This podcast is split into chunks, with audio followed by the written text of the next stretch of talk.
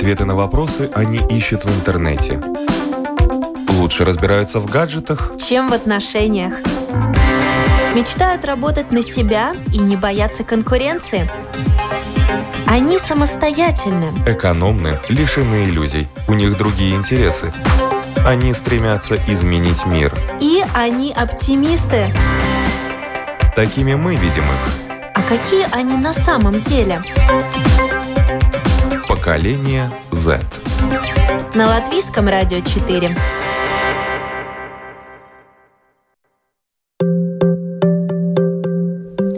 Здравствуйте, уважаемые радиослушатели. У микрофона Марина Талапина, за операторским пультом Лина Рудзуна, музыкальный редактор программы Кристина Золотаренко. И сегодня поколение Z предложило поговорить о человеке 21 века. Какой он? Что им движет? Чему стремиться? Об этом рассуждают ученые, философы, общественные и политические деятели. Об этом пришли поговорить представители молодого поколения, которые всегда приходят к нам в эту программу, которые, в принципе, являются двигателем этой программы. Вот, и я рада представить, что об этой э, теме мы будем рассуждать с Анжеликой Марией Зубы. Здравствуйте. Э, Карина Катарина Кожер у нас в студии. Здравствуйте. И Вероника Саулита. Здравствуйте.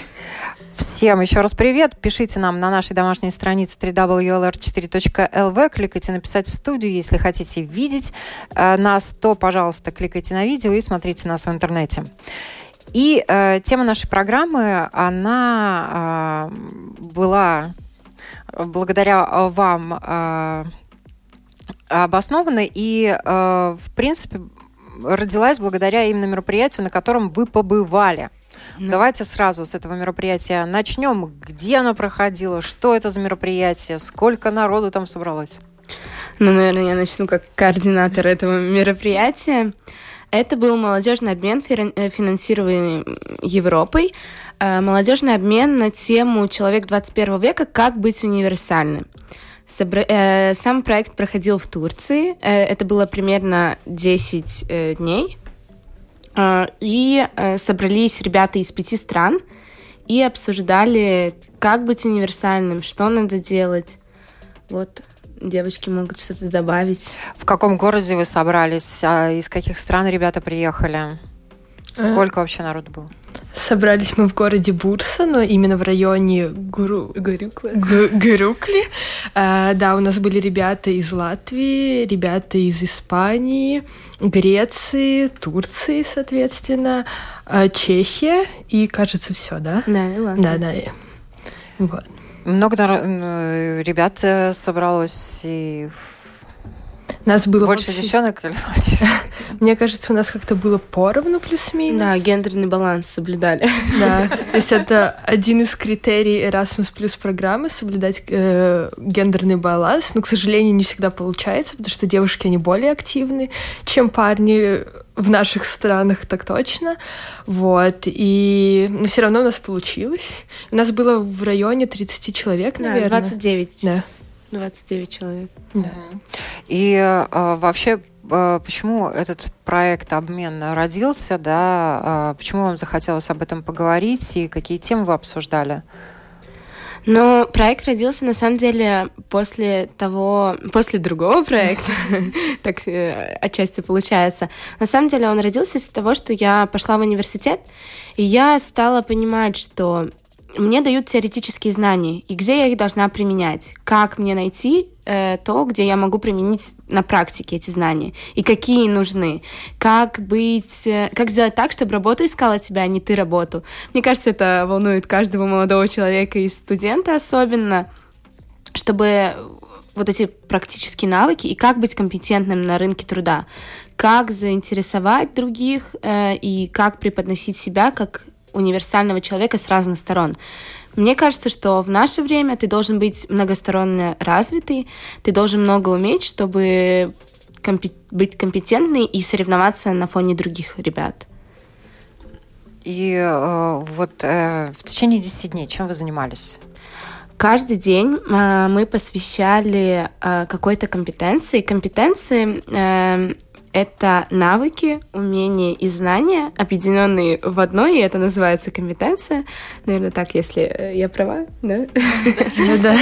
Э, и Erasmus, то есть в Европейском Союзе точно прописаны 8 компетенций, которые развиваются во время того, что ты учишься. Это коммуникация на родном языке, коммуникация на иностранном языке, это может быть всевозможные участие, э, активное участие в социальной жизни твоего города, то есть активная гражданская позиция, это дигитальная компетенция, это компетенция культурная, то есть то, что вы обмениваетесь. И да, может быть, я просто это могла э, упустить. А, это умение управлять, э, это знание математических каких-то базовых знаний о науках, и это инициативность и предприимчивость. Вот. Да. 8 компетенций получается. И вот на базе этого каждый день мы, рас, мы углублялись и э, углублялись в программу, именно основываясь на каждую компетенцию. То есть у нас было 8, э, 10 дней, исходя из которых каждый день мы посвящали какому-то определенному занятию. И э, мне кажется, что мы рассмотрели за, за каждый день разные аспекты вот каждой компетенции, умение выражать своих эмоций, выражать свои эмоции о том, что девочки вот провели. Это был один из, наверное, лучших дней, потому что я не знала, насколько важны эти эмоции, умение выражать эти эмоции и совладать с ними, что тоже важно на, на рынке труда. Э, потом э, сам проект был на английском, Поэтому это тоже было для кого-то такой вызов общаться не на своем родном языке. Э, безусловно, это, конечно, э, умение рассчитывать какие-то бюджеты, монтировать видео, пользоваться технологиями, э, придумывать свои проекты, умение отставить свое мнение. У нас были дебаты, и мне было интересно смотреть на ребят, которые первый раз попробовали себя в дебатах и показали нереально э, классную то есть интересно было слушать, как с разных сторон люди смотрят на одну и ту же проблему. И как человек, который возможно, считает, что нет, это не так, и он, но он играет за команду, которая утверждает, это надо, это так. Поэтому То есть это вы было каждый день погружались в одну из компетенций, Да, и, и на следующий день э, в другую компетенцию Да. погружались и подробно рассматривали, и были всевозможные задания на эту тему, и были всевозможные так дискуссии тоже, да, и там а ночью что вы делали? Я знаю, что такого рода проекты, они все равно это очень э, они очень заряжают, с одной стороны, с другой стороны, люди понимают, что они приехали на ограниченное количество времени пообщаться, и потом разъедутся, увидеться, не увидеться, неизвестно, но в конце особенно там такого проекта он сплачивает, и там хочется общаться, общаться, и суток не хватает. Ну вот, ночью, если говорить о вечерах наших, то мы жили в таком городе, где было достаточно много мест, куда можно пойти, поэтому у нас каждый вечер был культурный вечер. Мы изучали также культуру каждой страны, кто там был. У нас был испанский культурный вечер, чешский, в общем, все страны, что там были. И всегда после культурного вечера мы собирались, шли куда-нибудь, не знаю, в ресторан, в бар, сидели, обсуждали у нас, что у нас было на проекте, кто как себя чувствует. Ну, такая как рефлексия, только более в неформальном виде. Ну и знакомились, конечно же, разговаривали с людьми, узнавали что-то новое, какие-то такие факты, которых мы вообще не знали до этого, и которые не были сказаны во время проекта, но в неформальной обстановке логично, что ты как-то более открыт, чтобы об- общаться о всем, что можно вообще. Ну, в общем, как-то так.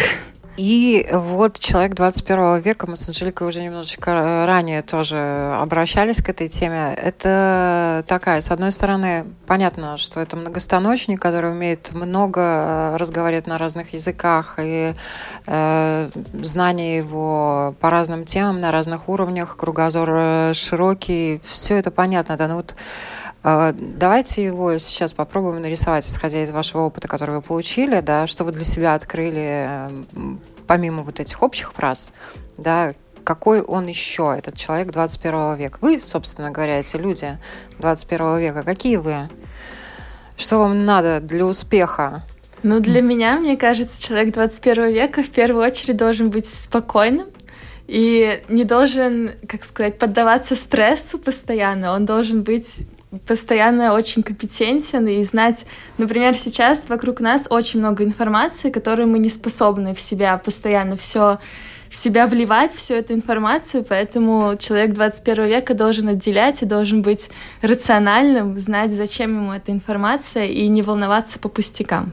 Вот. Это очень важное качество. Я думаю, что вот сейчас все, кто нас слышит, и старшее поколение в том числе, да, вот это вот спокойное, это такое очень мудрое э, напутствие каждому, любому молодому, пожилому, не выходить из себя, потому что выходить из себя в этом действительно э, когда тебя заваливают заданиями информации по телефону, вживую, это иногда очень сложно. Это прессинг. Мы живем в таком стрессе, и гаджеты нам только добавили э, этого стресса. А э, по поводу знаний и незнаний. Человек, вот, говорят, имеет право на незнание.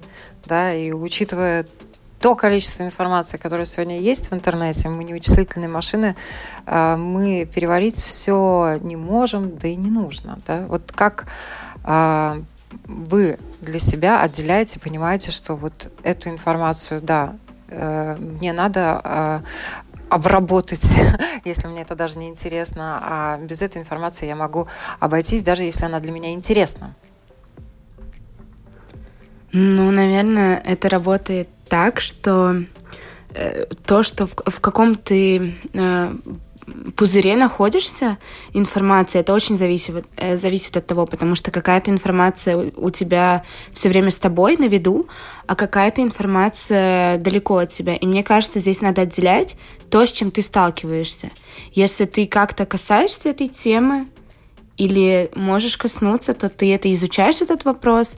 А если, ну, то есть это не в зоне твоих интересов, не в зоне интересов людей, которые тебя окружают, а чем ты можешь обменяться, мне кажется, тогда это не, не стоит того. Ну, как-то мне так кажется.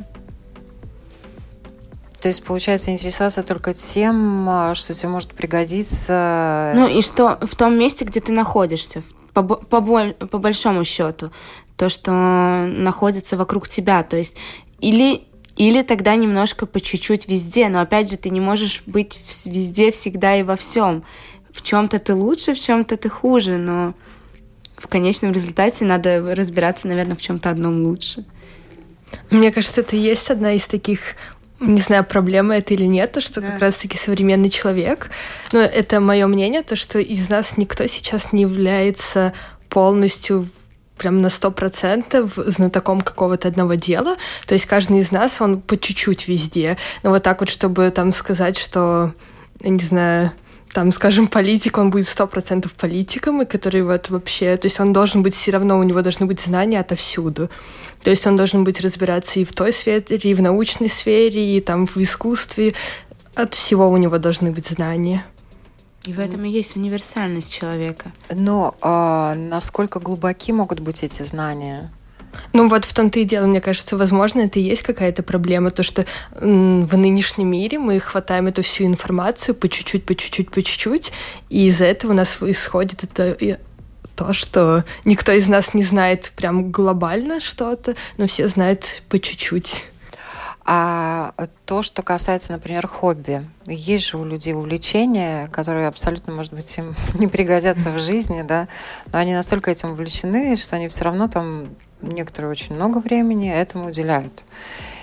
И потреблению информации, перевариванию информации именно на тему своего хобби, а, ну, оно занимает время. Вот сейчас, я так понимаю, что человек 21 века, он должен, помимо всего прочего, очень четко э, распределять свое время, на что он его тратит, на что он его mm-hmm. не тратит, и почему это.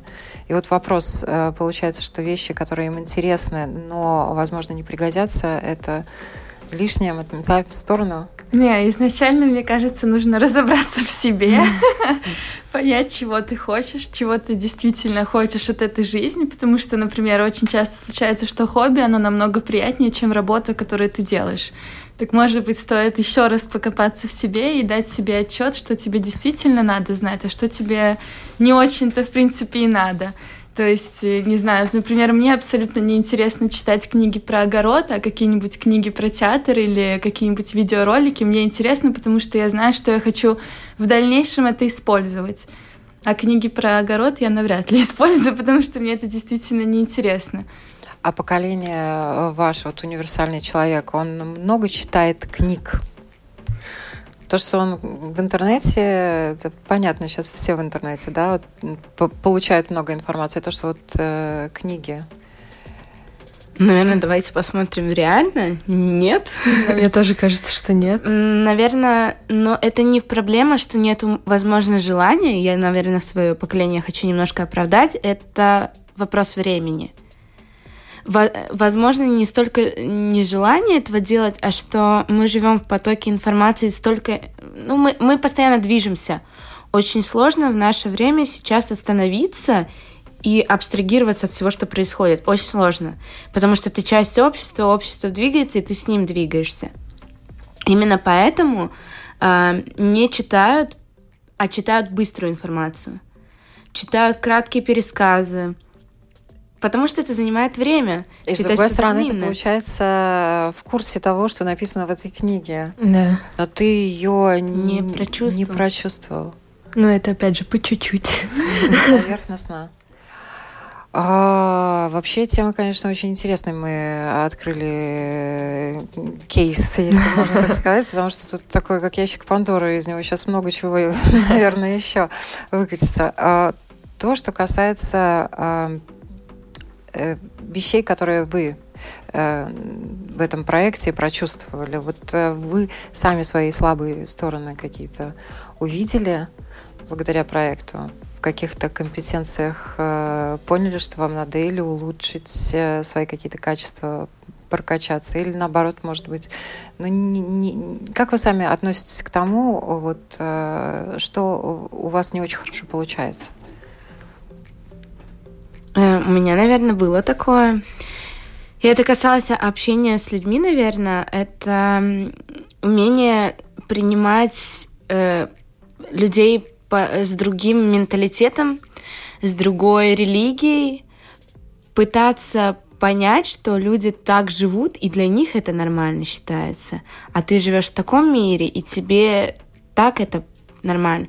Наверное, еще почему были разные страны и настолько разные немножко культуры, э, например, даже европейская культура и э, восточная культура Турции.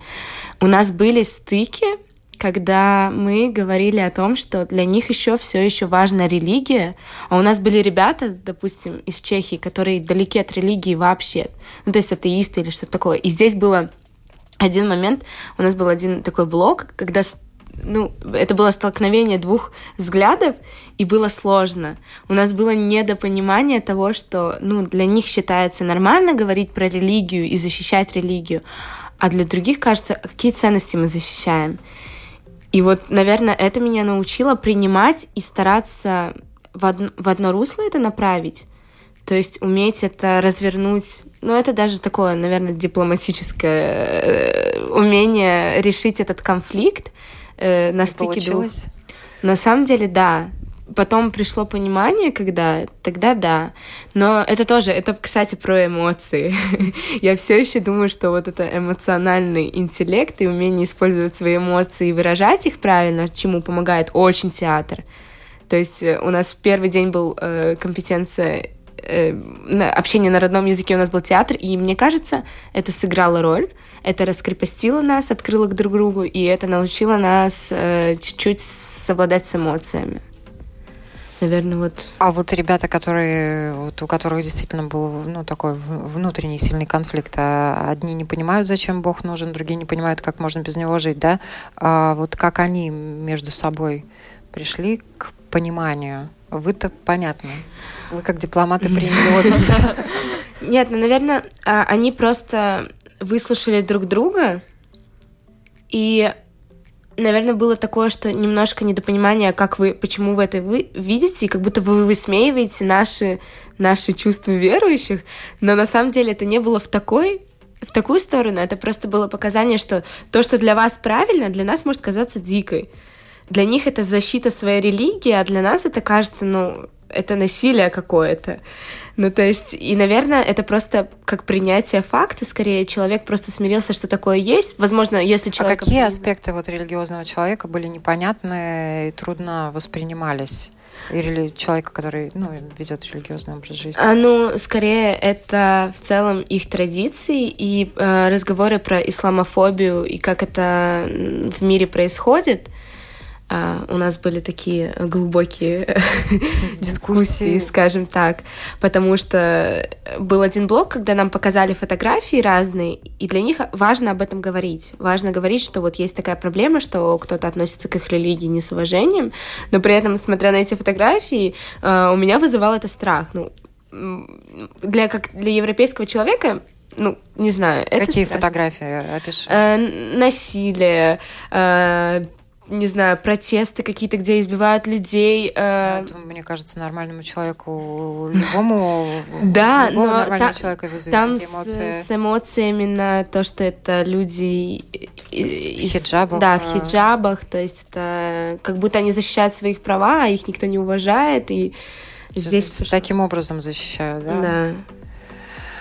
Ох, а, а, а люди, которые верующие, они считают, что приемлемо защищать э, права религии вот таким вот образом, беря в руки автомат?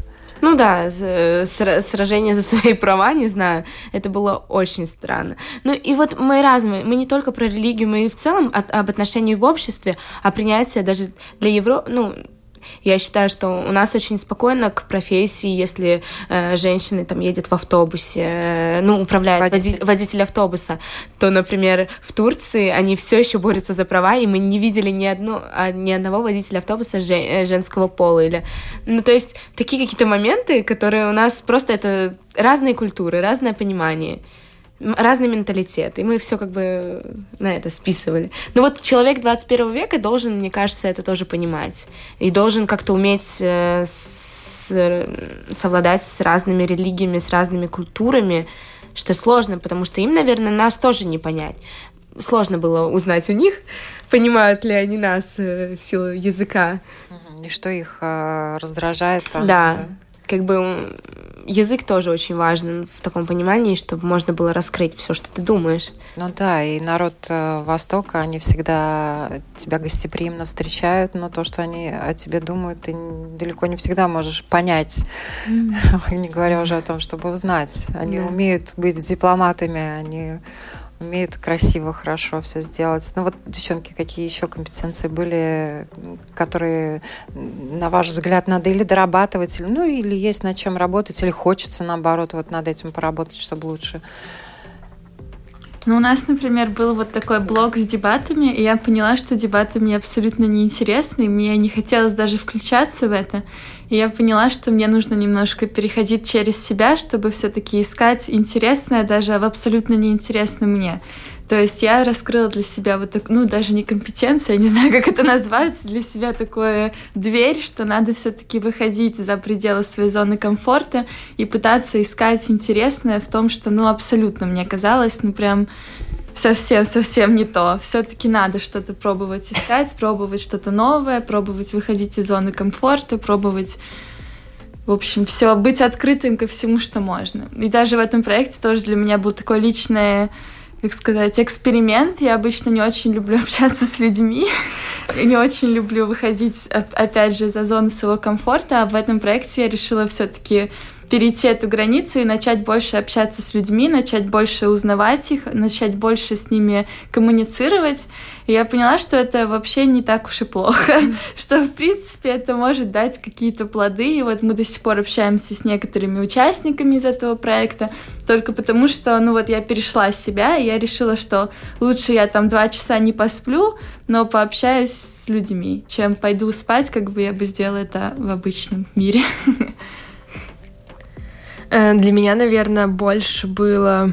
Этот проект больше показал, насколько надо знать точно свои права и насколько нужно их отстаивать. То есть у нас там были э, ситуации с организацией, с принимающей стороной. Рассказывай. Могу ли я рассказать? опытом. Ну, какие-то вещи, которые можешь рассказать, расскажи, потому что это будет полезно. Да, то есть у нас вот, э, получается, как проект мы подавали, ну, вот Лика написала его, и она его подала от Латвии, то есть у нас все финансирование, бюджет, все это было от Латвии, но принимающая страна это была Турция.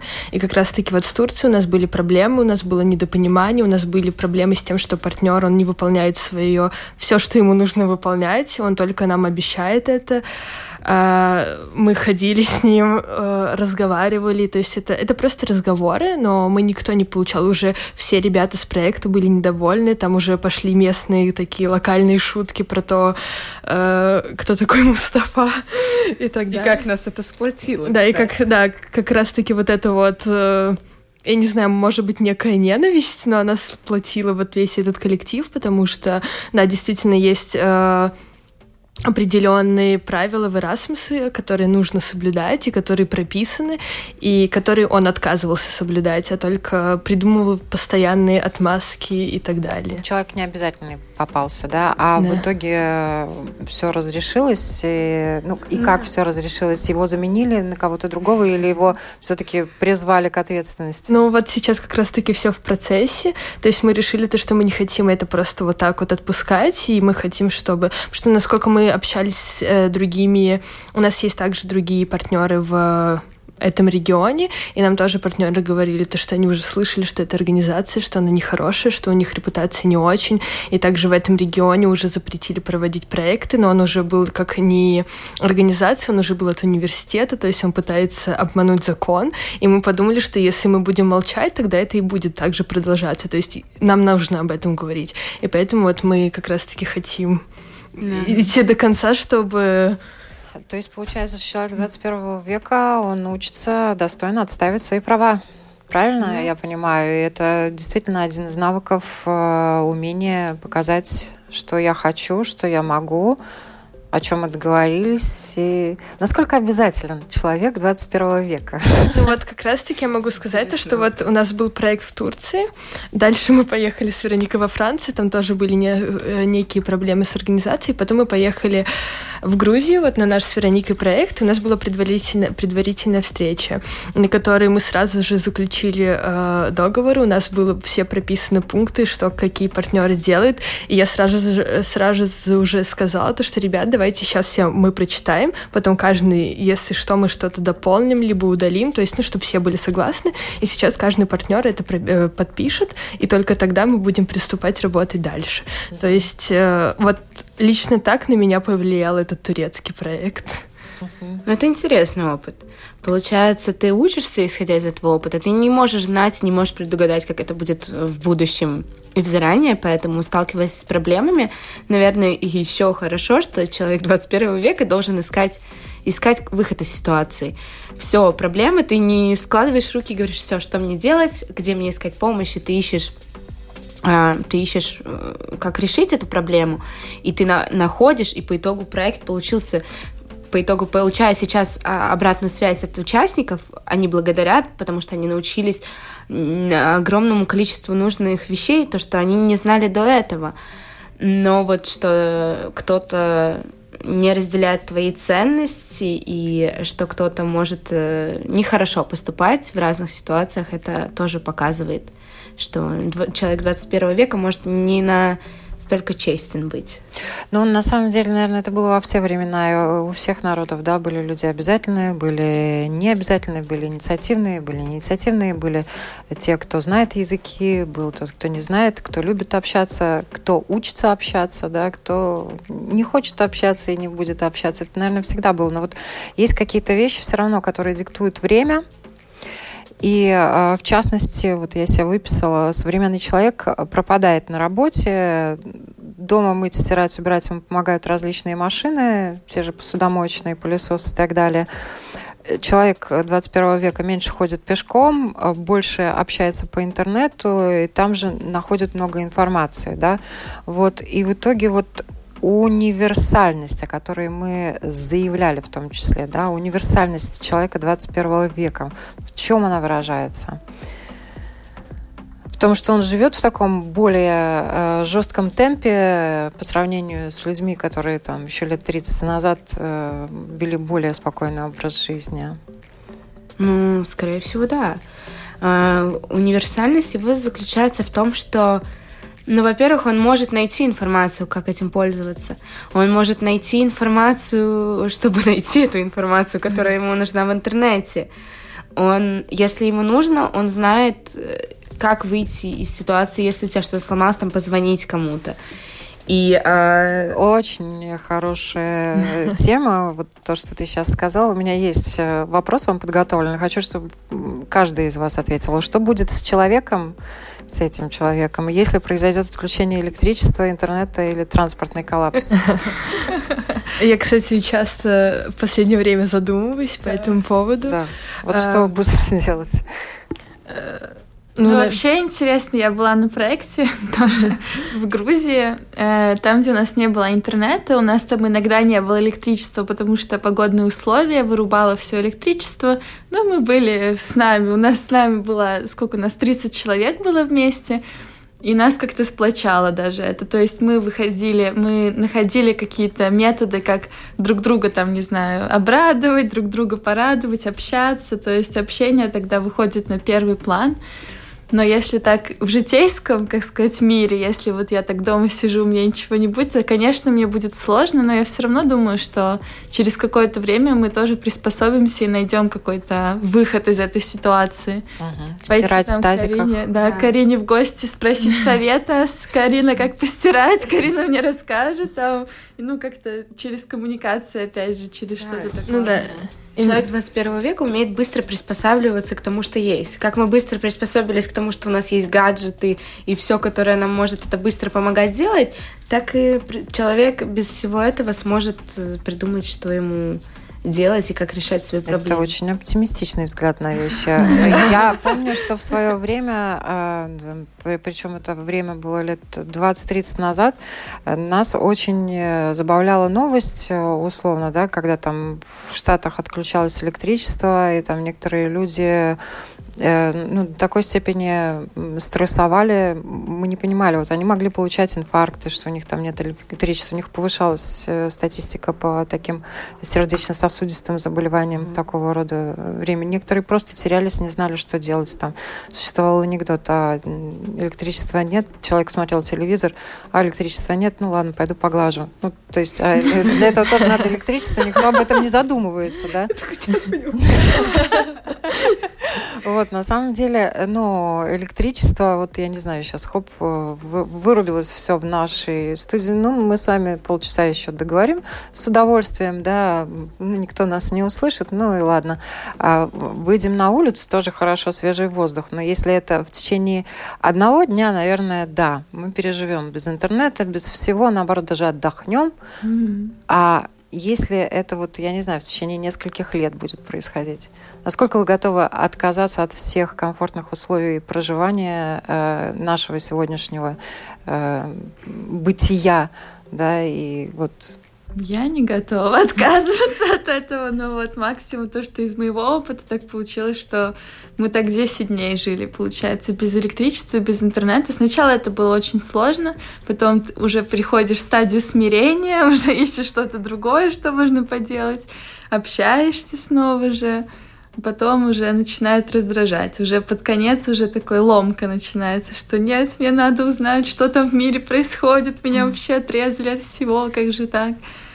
Ну, в принципе, мне кажется, нет, это невозможно. Сейчас, правда, невозможно. Если посмотреть правде в глаза, мне кажется, это нереально, что если сейчас выключится электричество на какой-нибудь год, все люди сойдут с ума через не знаю, две недельки, может быть. Но я все-таки надеюсь, что, э, конечно же, электричество не выключится долгое время.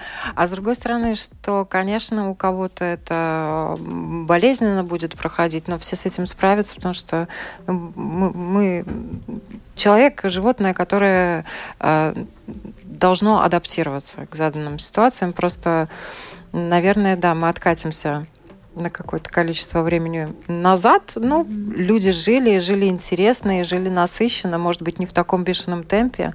Но вот этот темп, да, он не загоняет вас вообще. А мне хочется самим отключить электричество, оставить где-то телефоны и какое-то время без них провести учитывая все страшилки, которые рассказывают об излучении 3G, 4G и так далее. Я никогда не пробовала, но у меня столько друзей, которые так делали и сказали, что это сейчас как-то даже называется либо digital detox, либо что-то такое. Это как прям есть такое течение ребят, которые э, выключают все средства связи, но я пока не представляю, потому что там какая- какая-то часть моей жизни. И Ну, не там какая-то там большая больш- часть. Да, по большей части там все, наверное, чем я сейчас в данный момент живу и общаюсь и занимаюсь, поэтому я не представляю, но попробовать, наверное, было бы интересно. Это как такой вызов к самому себе. Можешь ли ты? У меня бывало случаи, когда я там оставалась в палатках, э, садился телефон, но это было настолько не ненадолго, ненадолго, и рядом были там семья, друзья и разные такие ситуации, поэтому это не было так страшно, но интересно. Возможно, надо попробовать. Вы согласны? Я уже попробовала, мне хватило, если честно. Карина, ты как думаешь? Ну, у меня пока что нет такой надобности попробовать. То есть я понимаю то, что мне бы, наверное, было сложно, потому что я привыкла, что там, я не знаю, на связи мы там проснемся, у нас есть общий чат с друзьями, мы сразу там переписываемся, еще что-то, мы всегда в курсе, как у кого обстоят дела, там, где встретиться, кто опаздывает, кто чем занимается. И, наверное, это уже настолько привычно, и настолько это уже как э, образ жизни, то что А не это- рабство ли это? От гаджетов. Ну, да. Но, с другой стороны, мы уже живем в таком мире, и это у нас, если мы еще то поколение, которое мы начали пользоваться телефоном, наверное, где-то, ну, там, с лет 10-11, а поколение, которое сейчас растет и которое уже пользуется изначально телефонами, я работаю с детьми, я вижу, насколько для детей телефон это важно, и как они вообще не могут жить без телефона. И вот я уже смотрю, мне это кажется немножко по-другому, но потом я думаю, блин, ну я же точно так же живу, и точно так же моя мама там не может уснуть, пока она там ленту Фейсбука не просмотрит перед сном, там фотку кому-то не залайкает. То есть для нас это настолько привычно, как там для некоторых людей раньше было, там, я не знаю, 50 лет назад все читали газеты, и это был обычный Да, ритуал почему? проснуться. Французы до сих пор завтракают с газетой. Ну, это Да, пример, да, да, да. И Мгм. вот кто-то просыпался, там начинал свой день с тем, что читал в газете новости. А мы делаем то же самое, только это уже в другом виде. В Быстро. другом Да, формате, да, да. это в другом То есть формате, да. Мне кажется, что это все одно и то же, просто меняется формат, а все так же и остается. Так Не, же- ну, по потоку информации все-таки не сравнить э, Не, ну, то конечно, количество. больше, да. Новости в газетах появлялись на следующий день. Сейчас новости появляются в ту же секунду, да. То есть это газеты э, почему уходят, э, потому что, собственно говоря, ну, они потеряли свою актуальность. Там уже первые новости из газет никто не узнает, все Мгм. узнают из интернета. У нас еще остались некоторые вопросы, которые я очень хотела бы задать. Насколько важны деньги для человека 21 века? А, Я, э, я бы сказала да. Я недавно читала какую-то статью, и там было написано, важно ли ему время, важно ли ему человеку 21 века что-то. И там было на первом месте деньги. Но, наверное, деньги не как, э, не как э, бумажки, а как ценность того, что ты их можешь обменять на что-то, На получить что-то. Да. Да. Купить связь, купить, Купить, там, да. продлить интернет, это да, это Наверное, оно не нужно как материально, чтобы складывать их, эти деньги. Но а это, это в любом случае то, что помогает э, приобретать другие материальные вещи, Мгм. да, то есть все равно материальное на Важно. первый план важно, да. А, хорошо, вот то, что касается семьи. А, вот что для вас семья? Хотите ли вы ее создавать? Когда вы ее хотите создавать? Что вы об этом думаете? Ну, сейчас сложно рассуждать, на самом деле, потому что мы еще молодые. Но вообще, конечно, таки, если говорить о семье, в которой я сейчас, там, например, ну, как мои связи с мамой, с папой, то мне кажется, что сейчас, конечно же, немножко стало проблематично. Например, за завтраком, когда я сижу в телефоне, мама постоянно ругается, Вероника, убери телефон.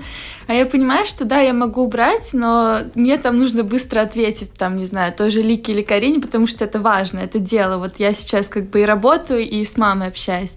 Но с другой стороны, я понимаю, что это, это плохо на самом деле, потому что у нас так мало времени, ну не мало времени, но там ограниченное время да, наше ограничено на время, Земле да, да, да. однозначно, и, И общение с близкими в том числе. Это самое должно быть самое важное, но я понимаю, что мне и тут важно, и тут важно. Я не могу как бы разорваться на две части. Но с другой стороны, если посмотреть, например, на удобство, который вот вы упомянули, что у нас есть там вот эти машинки, вот это все, все, все, что нам помогает жить, и у нас остается больше времени на общение с теми же близкими, с теми же друзьями, со всеми, со всеми, с семьей в первую очередь потому что мы можем отстраниться и можем вместе провести какое-то время, потому что нам не нужно думать о, там, о стирке, о том, что мне нужно сделать тысячи дел перед тем, как встретиться со своей семьей. Я могу это все отложить, и у нас будет отличный ужин вместе с семьей, и тогда уже и все гаджеты откладываются, и все откладывается. И у нас вот такой вечера такие милые с едой и с семьей. Ну а что касательно создания семьи, мне кажется, наверное, это уже такой возраст, который к 30 ближе, который такой в среднем, мне кажется, уже европейский. То есть я думаю, что все из нас сейчас на данный момент не готовы завести там детей, семью. То есть мы понимаем то, что у нас пока что есть время, чтобы пожить для себя, а вот там уже где-то к 30 там уже можно задуматься о да. Э, такой прям семье-семье. Не, но семья и ценности в семье это всегда на первом месте, конечно, безусловно, но вот э, добавляя к Карине, наверное, сейчас вот эта карьера, ну, наверное, даже я бы назвала это не карьера, а что, мне кажется, ты должен себя наполнить, чтобы с кем-то поделиться и потом разделять это всю свою жизнь. Э, мне кажется, пока я, во всяком случае, не чувствую того, что я настолько наполненный и разносторонний человек для 21 века, у меня еще есть куда развиваться, чтобы сначала наполнить в какой-то какие-то свои качества, свои навыки, умения, чтобы э, быть компетентным и э, среди других и уметь э, многое.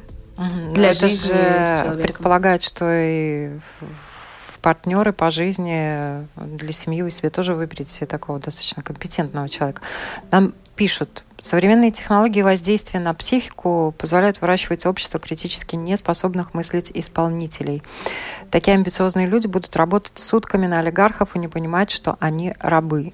Иметь семью и заводить э, э, так, иметь семью и заводить своих детей будут только особо приближенные к господствующей партии. Вот э, пишет Олеся.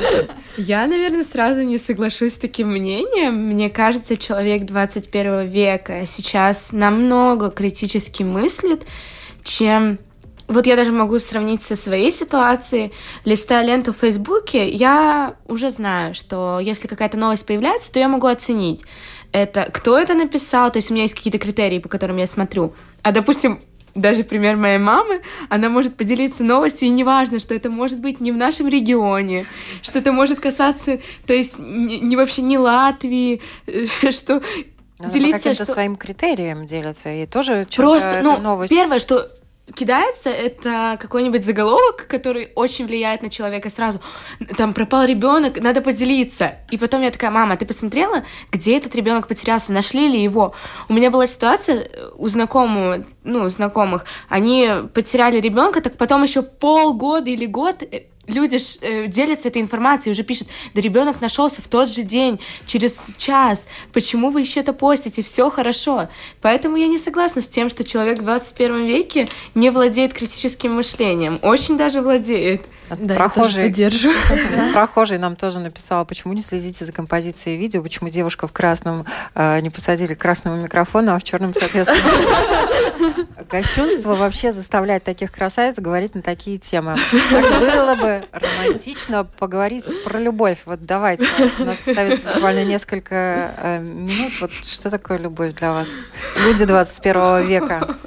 Любовь. Это навсегда самое важное чувство в мире. Как всегда, я вообще такой, как сказать, романтик. Мне кажется, любовь превыше всего. Очень, как сказать, любовь это все на самом деле. Из этого чувства все, все чувства выливаются. То есть и доверие, и дружба, это все на самом деле любовь. Ну, мне так кажется. И она никогда не исчезнет ни из какого мира, ни из 21 века, ни из 22, ни из, не знаю, 50 века потому что это чувство, которое оставляет человеку чувствовать себя человеком. Мне так кажется. И мне кажется, тоже важно, что это не только любовь как партнера к партнеру, а это вообще ко всем, что окружает, ко всему, что окружает тебя. То есть это к вещам каким-то, к делу твоему, что ты делаешь, то есть насколько ты отдаешься, с какой любовью. То есть это проявление, то есть такое прям более глобальное что-то. И я думаю, да, то, что это актуально, если у тебя есть любовь к своей жизни, ко всему вокруг, и тебя окружает любовь, то ты... У тебя есть мотивация дальше жить. Мне нечего добавить. Я, я правда Девушка в красном. Девушки в красном ничего добавить. Нет, правда, наверное, мы такие романтики, но это проявляется в, в любом, во всем, мне кажется. И это нельзя загнать в рамки. На самом деле это отдельная тема для отдельной программы. Человек 21 века о любви, но это что-то огромное, и у каждого свое понятие будет, и у каждого своя точка зрения, и каждый любит по-своему, и каждый понимает любовь по-своему. Ну, как мы поняли, мы что-то вместе понимаем. Спасибо вам огромное, что были с нами, что пришли, поделились своими эмоциями и своими мыслями. Давайте резюмируем. Вот человек 21 века, какой же он? Три слова, три характеристики от каждой. Многофунк... Многофункция... Монго- Функциональный. Да-да. Multitasking, да. Да. Критически мыслящий. Активный в процессах общества. Да. И любящий все вокруг. Ну, я скажу спокойный. Рацион- рацио- Рационально Рациональный. мыслящий. И умеющий отделить себя от потока информации. Компетентный на рынке труда. Даже востребованный еще. Востребованный. И, наверное, Это желание. и, наверное, развитый немножко везде. Я, я бы не сказала, что это поверхностность, но умение себя показать с разных сторон. Потому что умение сейчас сделать что-то только, что-то только одно не сделает тебя э, победителем, компетентным. Спасибо большое, что были с нами. Я напоминаю на тему «Человек 21 века. Какой он?» рассуждали в нашей студии Анжелика Мария Зуба, Спасибо. Карина Катарина Кожера и Вероника Саулита. Спасибо. Всем хорошего дня. Спасибо. Ответы на вопросы они ищут в интернете. Лучше разбираются в гаджетах, Чем в отношениях. Мечтают работать на себя и не бояться конкуренции. Они самостоятельны. экономны, лишены иллюзий. У них другие интересы. Они стремятся изменить мир. И они оптимисты. Такими мы видим их. А какие они на самом деле? Поколение Z. На Латвийском радио 4.